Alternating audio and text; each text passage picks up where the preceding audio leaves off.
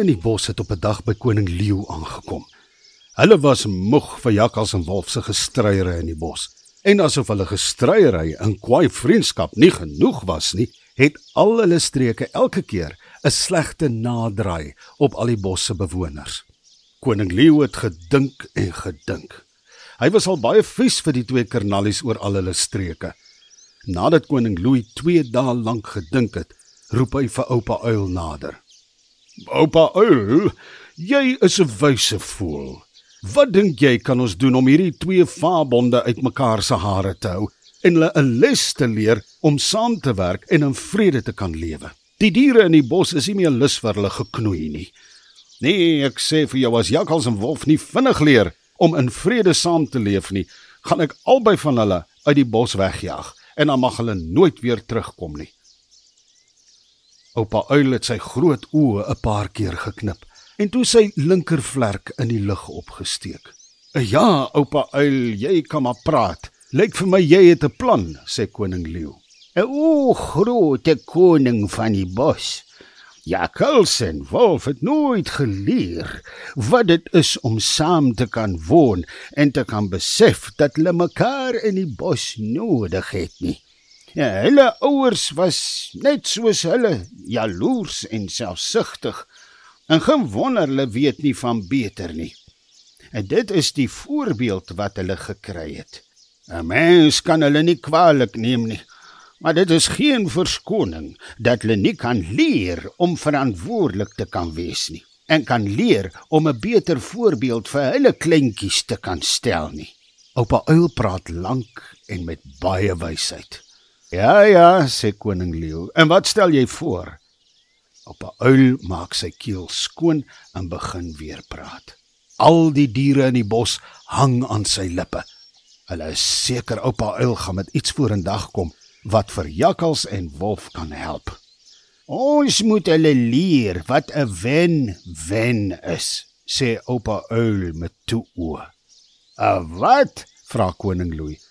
O, o grote koning leeu, 'n jakkals en wolf moet leer dat hulle mekaar nodig het om saam te kan lewe en om mekaar te waardeer, sodat elkeen van hulle iets kan wen uit die ding.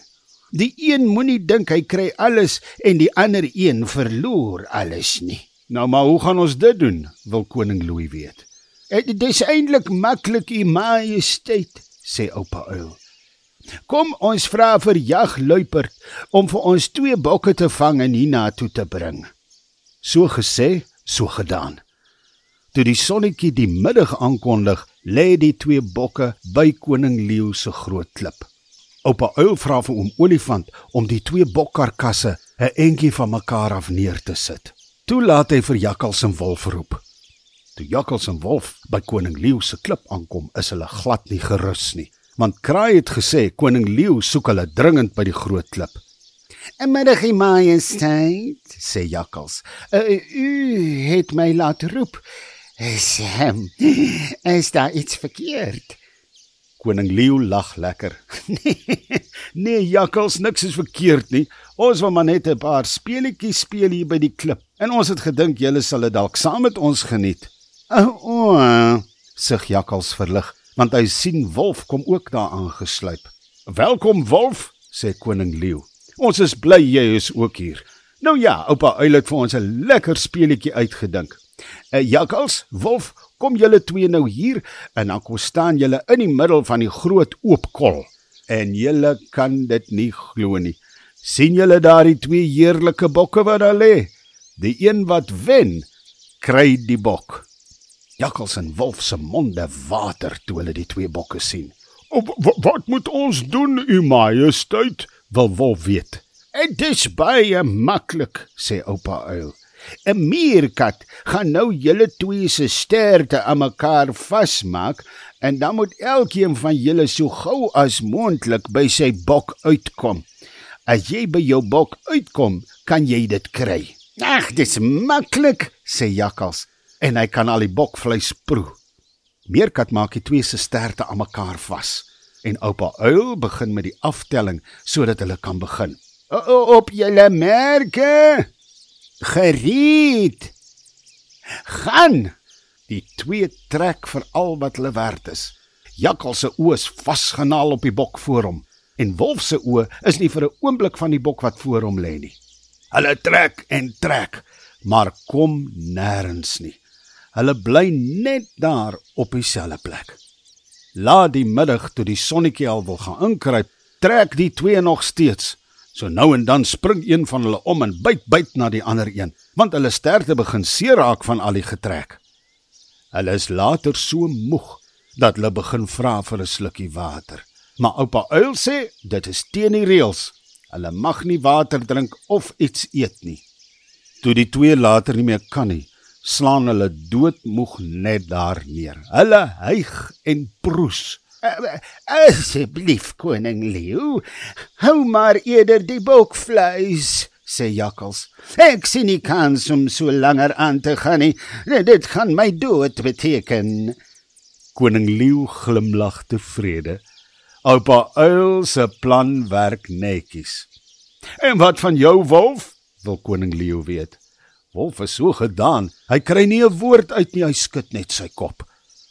Koning Leeu knip oog vir oupa uil en daarmee weet oupa uil dit is tyd dat jakkals en wolf hulle les moet leer.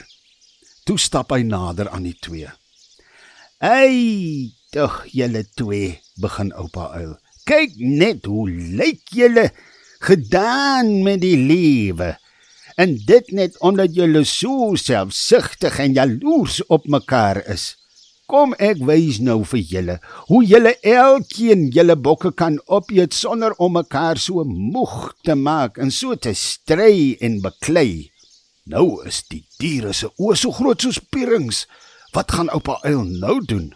Oom olifant, gaan al gou vir die twee knape 'n bietjie water met jou slurp by die rivier, sodat hulle mooi kan luister wat ek vir hulle wil vertel. In 'n japtrap is oom olifant terug met 'n slurp vol water. Hy blaas dit uit in die hol klip onder koning leeu se groot plat klip. Steeds met hulle sterte aan mekaar geknoop, kom hulle moeg moeg nader en drink die water uit die hol klip. Toe hulle beter voel, roep oupa uil hulle weer terug na die oop kol waar hulle vroeër so gestoei het. Ek kyk nou mooi en luister nou mooi jakkals en wolf.